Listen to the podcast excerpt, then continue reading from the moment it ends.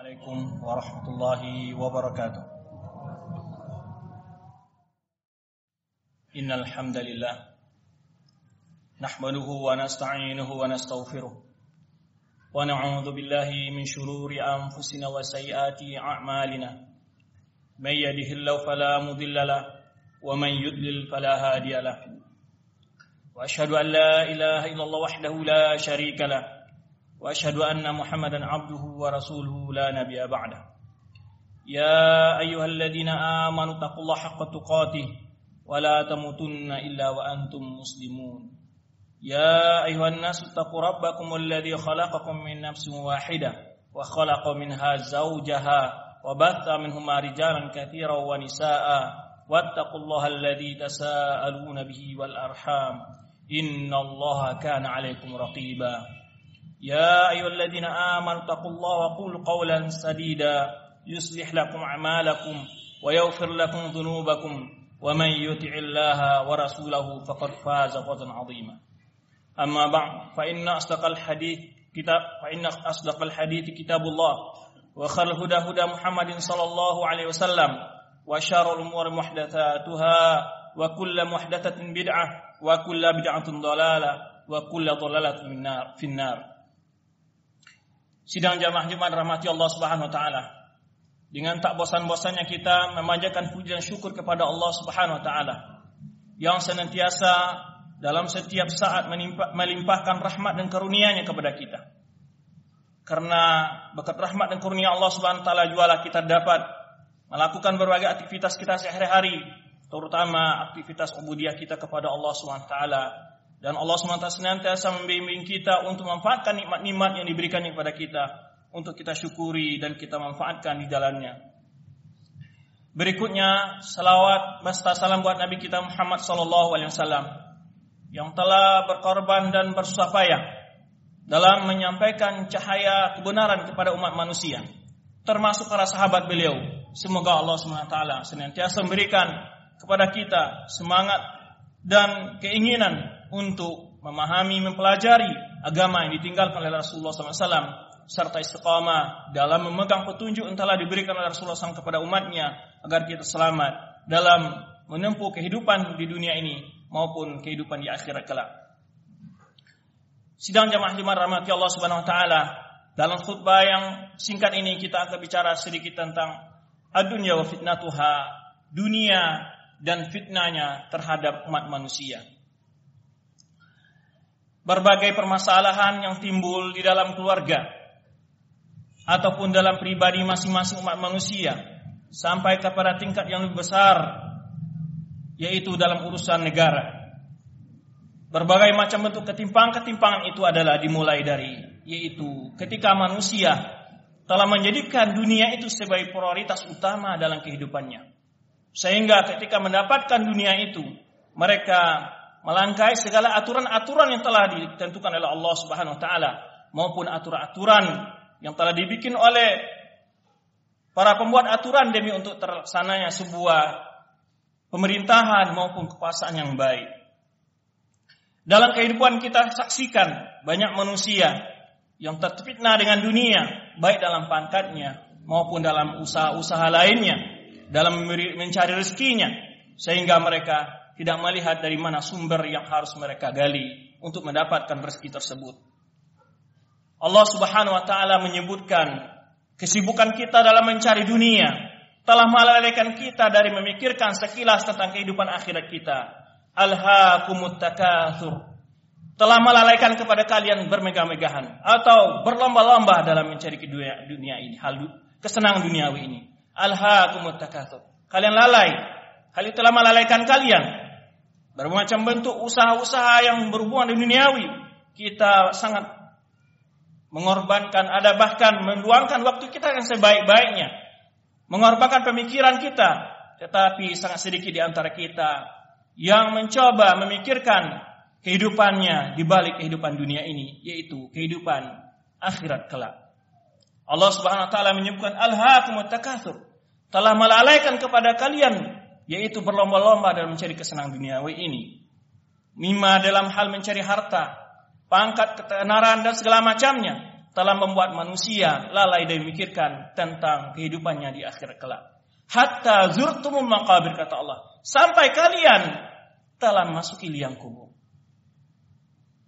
Dalam ayat Allah sebutkan bal tu'thiruna al hayata dunya wal akhiratu khairun wa abqa. Sungguh kalian lebih mengutamakan kehidupan dunia wal akhiratu khairun wa abqa. Sedangkan kehidupan akhirat lebih baik dan lebih kekal. Dunia digambarkan oleh dalam oleh Allah Subhanahu taala ayat yang banyak. Demikian oleh Rasulullah SAW dalam hadis yang begitu banyak. Di antara Allah Subhanahu menggambarkan kehidupan dunia ini, innamal hayatud dunya la'ibun wa lahum wa zinatun wa tafakhurun bainakum fil amwali wa aulad. Kehidupan dunia ini hanyalah senggaguro, permainan, tipu daya, fata morgana yang membuat orang terlena dan melupakan kehidupannya yang sejatinya. Oleh sebab itu Rasulullah Shallallahu Alaihi Wasallam menggambarkan memberikan nasihat kepada Ibnu Abbas radhiyallahu anhuma, kun fid dunya ka'annaka gharibun aw abirun sabil. Hendaklah engkau hidup di dunia ini bagaikan orang yang merantau atau orang yang dalam perjalanan. Orang yang merantau dia ingin mempersiapkan bekal untuk dia pulang kampung. Orang merantau dia ingin berusaha semaksimal mungkin ketika dia berada di perantauan untuk membawa oleh-oleh untuk dia, untuk kehidupan di kampung halamannya yang sebenarnya. Itu gambar yang diberikan Rasulullah SAW. Bahwa dunia bagi kita adalah ladang untuk kesejahteraan kita di akhirat. Ladang untuk kita beramal soleh. Agar kita memikirkan kehidupan kita di akhir kelak. Karena kehidupan dunia ini hanya sebentar. Bahkan paling lama tidak lebih mungkin di antara kita berumur 60 tahun, sebenarnya 63 tahun, sebagaimana Rasulullah sebutkan dalam sabdanya, bahwa umur umatnya ini ada berkisar antara yaitu 60 tahun sampai 70 tahun. Kemudian kehidupan dunia jika kita perhatikan tidak akan pernah memuaskan kita. Sehingga kita terlena untuk memiliki kehidupan akhirat kita. Waktu-waktu kita, pikiran kita dalam 24 jam terlintas hanya bagaimana mendapatkan uang yang banyak, memiliki harta yang banyak, kehidupan yang layak, rumah yang megah, kendaraan yang mewah dan seterusnya. Tidak pernah kita memikirkan bagaimana selimut kita di alam kubur, Bagaimana tempat berbaring kita di akhirat kelak? Akankah pernahkah kita memikirkan bahwa kita ingin tidur di atas kasur empuk di dalam kubur, di alam di alam akhirat agar kita mendapat kehidupan yang layak dan kebahagiaan yang sejati? Tapi amat sedikit di antara kita yang memikirkan kehidupannya di akhirat kelak. Sehingga hal-hal duniawi telah melalaikan kita untuk mendekatkan kita kepada Allah untuk mempelajari agama yang mulia ini dan mengenal kebenaran yang ditinggalkan oleh Rasulullah Sallallahu Alaihi Wasallam. Alhaakumut takatsur hatta zurtumul maqabir. Telah lalaikan kepada kalian sikap bermegah-megahan sampai kalian masuk ke liang kubur. Tiada yang dapat dalam hadis lain disebutkan Rasulullah SAW, tiada yang dapat memenuhi kepuasan anak Adam itu illa turab kecuali hanya tanah setelah dia dimasuk ke dalam kuburnya. Sedang jamaah-jamaah rahmati Allah Subhanahu wa taala, hendaknya selayaknya kita berpikir sejenak ketika kita tidur di atas kasur yang empuk, akankah kita juga tidur dengan nyaman seperti ini dalam kubur? Akankah kita juga akan tidur nyaman seperti ini di alam akhirat? Ataukah kita akan berbaring dengan di atas api? Ataukah kita akan dikelilingi oleh bermacam itu azab yang tidak akan dapat tidur nyenyak sama sekali? Kehidupan yang panjang dan kehidupan yang kekal. Adapun kehidupan dunia, betapapun menderitanya seseorang akan berakhir dan akan hilang dan sirna.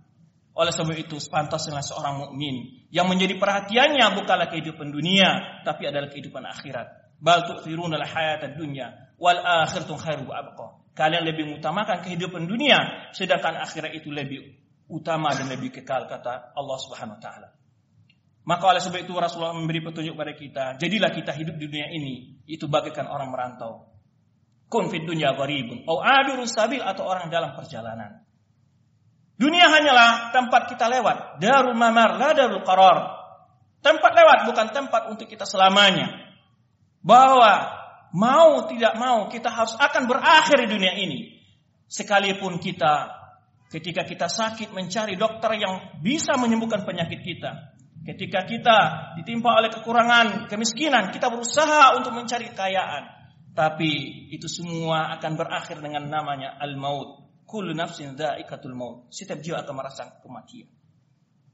Kematian akan datang tanpa terlebih dahulu memberikan informasi kepada kita. Oleh sebab itu, sudahkah kita mempersiapkan untuk hari yang tiada lagi hari setelah itu, Yang apabila penyesal, menyesal tiada lagi arti penyesalan setelah itu. Kun fit dunya gharibun abirun sabil. Hendaklah engkau berada di dunia ini kata Rasulullah SAW bagaikan orang yang merantau yaitu mempersiapkan bekal untuk kembali ke kampung halamannya. Carilah ilmu, ilmu yang banyak, ibadah yang banyak agar kita di akhirat kelak dapat mencicipi kenikmatan yang telah kita lakukan di dunia ini. Bukan hanya kita memikirkan kehidupan yang dibatasi oleh umur dan dibatasi oleh ketentuan ajal kita. Hanya kesenangan sementara yang membuat kita lalai untuk memikirkan kehidupan kita yang lebih lama dan lebih kekal. Au sabil atau orang dalam perjalanan. Hadis ini disyarahkan oleh para ulama kita dengan syarah yang sangat indah sekali. Seseorang yang berada dalam perjalanan menuju sebuah tujuan yang pasti, walaupun dia kecapean, dia berlindung di sebuah pohon yang rindang, di tengah-tengah pemandangan yang indah, dia tidak pernah berpikir akan selamanya tempat itu dihuninya atau membangun sebuah istana yang mewah karena dia mesti melanjutkan perjalanannya ke tujuannya yang sebenarnya yaitu darul akhirah bahwa dunia hanyalah tempat lewat bagi kita, bukan tempat untuk selama-lamanya. Dan betapapun hebatnya kita, kematian tidak akan bisa kita hindari. Oleh sebab itu, sidang jamaah jemaah rahmati Allah SWT. Pernahkah kita memikirkan sebuah kondisi, sebuah keadaan yang akan kita lalui semua, baik kecil maupun besar, tua, muda, perempuan maupun laki-laki, semua kita akan mengalami, yaitu namanya al-maut. Kemudian setelah itu, apa yang akan kita hadapi di alam kubur kita, Akankah kita akan berbaring di atas pemadani yang dibentangkan dari surga? Sebenarnya sabda Rasulullah SAW, apabila seorang mayat dikubur, datanglah kepada dua malaikat, kemudian ditanya tentang apa yang disembahnya di dunia, siapa Rasul yang diutus kepadanya, apa agamanya. Kemudian jika menjawab dengan jawaban yang benar, dia akan dibentangkan darinya, yaitu menani dari surga, dan dia akan dibuka baginya pintu dari surga. Senantiasa dia mendapatkan keharuman surga. Sebaliknya, bila dia adalah orang yang kufur, Orang yang berbuat dosa di dunia, dia akan dibentangkan baginya, yaitu tikar dari api neraka. Dan senantiasa mendapat bau dan panasnya api neraka. Dan juga dia akan ditemani oleh amal buruknya sampai hari akhirat. Sidang jamaah jemaat mati Allah, sepantasnya kita sekali-kali atau seketika kita terbaring memikirkan apa yang akan kita nikmati ketika kita berada di alam kubur, ketika kita berada di padang mahsyar, bagaimana ketika kita melangkah di atas siratal mustaqim, bagaimana ketika kita menerima catatan amal kita, sudahkah pernah kita bayangkan kehidupan akhirat yang jauh itu? Oleh sebab itu Allah Subhanahu wa taala menyebutkan, "Fa idza ja'atit kubra." Apabila telah datang kehancuran yang sebenarnya, kehancuran yang sangat besar, Yauma yatadzakkarul insanu ma sa'ah. Pada hari itu manusia baru ingat apa yang telah diperbuatnya. Baru dia sadar, baru dia teringat, baru dia mengerti bahwa kehidupan ada kehidupan di balik kehidupan dunia itu. Yauma yatadzakkarul insanu ma sa'ah. Wa burzatil jahimu liman yara. Pada saat itu diperkalan neraka jahim bagi orang akan memasuki. Fa amma man tagha adapun orang-orang yang melampaui batas. Yang melanggar perintah-perintah Allah, yang melangkahi perintah-perintah Rasulullah sallallahu alaihi wasallam, fa innal jahim hiyal ma'wa. Maka neraka jahim adalah tempatnya. Wa amma man khafa maqama rabbih wa nahan nafsa 'anil hawa. Adapun orang yang takut kepada Rabbnya dan menahan hawa nafsunya, fa innal jannata hiyal ma'wa. Adalah surga tempatnya. Oleh sebab itu, sepantasnya kita sekali-kali memikirkan perjalanan kehidupan kita di akhirat kelak.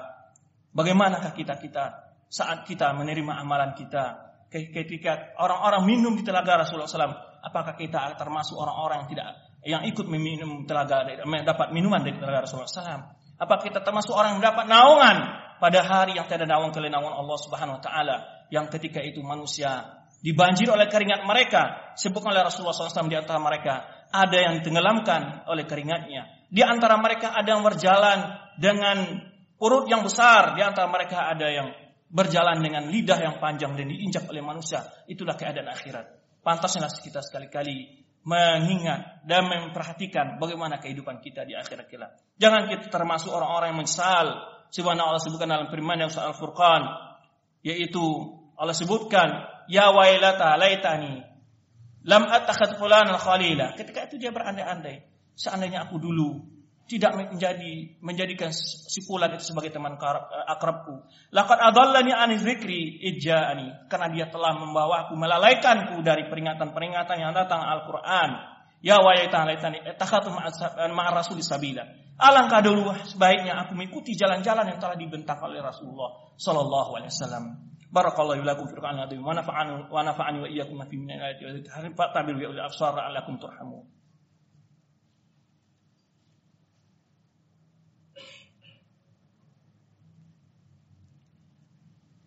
Alhamdulillah ala taufiq wa imtinani wa syurku ala ni'amihi wa sallallahu ala wa ashabihi wa ashabi man yaumiddin. Sidang jamaah jemaah rahmati Allah Subhanahu wa taala.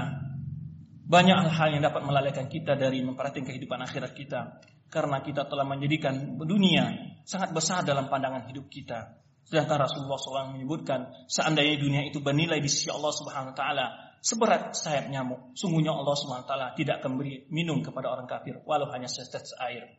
Ini adalah dunia pandang Allah Subhanahu wa taala. Apakah berarti di sini bahwa kita tidak boleh bekerja, berusaha mencari kehidupan dunia? Bukan berarti itu. Bukanlah ini yang maksud dari apa yang disampaikan oleh khatib. Dunia boleh kita usaha bekerja mencari kenikmatan itu dunia karena Allah Subhanahu wa taala menyebutkan wabtai fima ataqallahu dara akhirah wala tansa nasibaka minad dunya. Carilah dari apa yang telah diberikan Allah kehidupan akhirat, tapi jangan engkau lupakan kehidupan dunia. Boleh kita mencari kehidupan dunia selama ketika kita mencari kehidupan dunia itu memiliki hal-hal yang disebutkan oleh Allah SWT. Pertama adalah dengan cara yang halal. Yang kedua, tidak melalaikan kita dari mengingat dan melakukan perintah-perintah oleh Allah, perintah Allah Subhanahu wa taala. Yang ketiga, menunaikan hak-hak yang terdapat dalam rizki yang diberikan Allah kepada kita. Kemudian juga mempertanggungjawabkan dan tidak melanjakan rezeki yang diberikan Allah kepada hal-hal yang diharamkan oleh Allah Subhanahu wa taala. Karena Rasul kita sallallahu alaihi pernah bersabda, "La tazulu qadama 'abdin yawmal qiyamah hatta yus'al an apa." Tidak akan pernah melangkah seorang anak Adam pada hari kiamat sampai dia pertanggungjawabkan empat hal. Yang pertama adalah an umrihi bima afna, tentang umurnya di mana habiskan. Allah telah beri nikmat kepada kita umur yang panjang. Apa yang telah kita lakukan umur yang panjang itu? Jika kita hitung-hitung berapa yang dapat kita manfaatkan untuk beribadah kepada Allah Subhanahu wa taala, sedangkan tujuan kita utama diciptakan Allah Subhanahu wa taala adalah untuk mengabdi dan beribadah kepada Allah Subhanahu wa taala, wa ma khalaqtul wal insa illa. Aku tidak jadikan jin dan kecuali untuk beribadah kepadaku. Yang kedua ada an syababi fima abla. Masa mudanya di mana dia habiskan? Ini adalah suatu cambuk dan peringatan kepada generasi muda. Hendaklah mereka memanfaatkan usia muda mereka hal-hal yang dapat bermanfaat bagi diri mereka, keluarga mereka, masyarakat mereka, bahkan bangsa mereka. Satu hal yang sangat ironis menyedihkan kita adalah ketika generasi kita, generasi muda kita dilalaikan oleh berbagai hal. Pada saat mereka usia muda, kemudian setelah mereka berusia senja, mereka merasakan kerugian yang luar biasa. Mereka tidak memiliki keterampilan-keterampilan, tidak memiliki ilmu yang matang. Padahal bangsa dan negara kita, semua kita menyadari bahwa kita krisis dalam saat sekarang, krisis kepemimpinan, krisis kepercayaan, krisis keimanan daripada pemimpin-pemimpin kita. Pada penegak bangsa ini adalah jawabannya nah, apa yang kita harapkan kalau bukan generasi muda. Siapa lagi yang kita harapkan kalau bukan generasi muda kita. Maka oleh sebab itu, masa muda adalah masa yang akan dipertanyakan.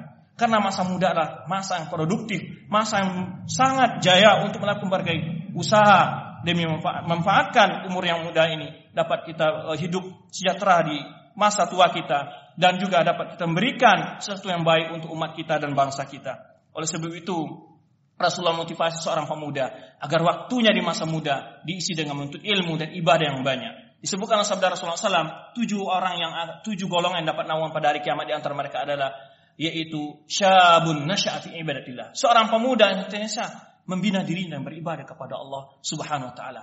Karena masa muda adalah sangat mudah terpengaruh oleh berbagai macam bentuk rayuan dan fitnah duniawi. Oleh sebab itu, generasi muda hendak menyadari bahwa mereka ada target dari berbagai macam musuh-musuh Islam untuk melarikan mereka dari memikirkan diri mereka, memikirkan umat mereka, dan memikirkan bangsa mereka. Kemudian berikutnya Rasulullah SAW sebutkan yaitu an rizki fima kasabu fima anfaqa. Kemudian tentang harta, rizki yang dia dapat, di mana dia peroleh, ke mana dia infakkan. Kemudian ilmi fima amal. Kemudian tentang ilmu yang dapatkan, ke mana dia, bagaimana dia mengamalkannya. Sedang jamaah jemaat rahmati Allah Subhanahu taala, saatnya kita merenung sedikit apa yang akan kita dapati ketika kita berada di alam kubur. Apa yang akan kita peroleh? Apa yang telah kita persiapkan untuk makan kita di akhir kelak? Untuk selimut kita di akhir kelak? Tempat tidur kita di akhir kelak? Sudahkah kita persiapkan saat sekarang ini? Fa'tabiru bil absar la'alakum turhamun. Allahumma salli ala Muhammad wa ala ali Muhammad kama sallaita ala Ibrahim wa ala ali Ibrahim wa barik ala Muhammad wa ala ali Muhammad kama barakta ala Ibrahim wa ala Ibrahim fil alamin innaka Hamidum Majid. اللهم اغفر للمسلمين والمسلمات والمؤمنين والمؤمنات الأحياء منهم والأموات اللهم أعز الإسلام والمسلمين وأذل شرك المشركين ودمر أعداءك أعداء الدين اللهم آت نفوسنا تقواها وزكيها أنت خير من زكاها أنت ولي ومولاها اللهم اسألك العفو والعافية والعف... اللهم اسألك الغنى والعفاف اللهم أعن على ذكرك وشكرك وحسن عبادتك ربنا ظلمنا أنفسنا وإن لم تغفر لنا وترحمنا وترحمنا لنكونن من الخاسرين اللهم أرنا الحق حق وارزقنا اتباعه وارنا الباطل باطلا وارزقنا اجتنابه ربنا آتنا في الدنيا حسنه وفي الاخره حسنه وقنا عذاب النار سبحان ربك رب العزه عما يصفون وسلام على المرسلين والحمد لله رب العالمين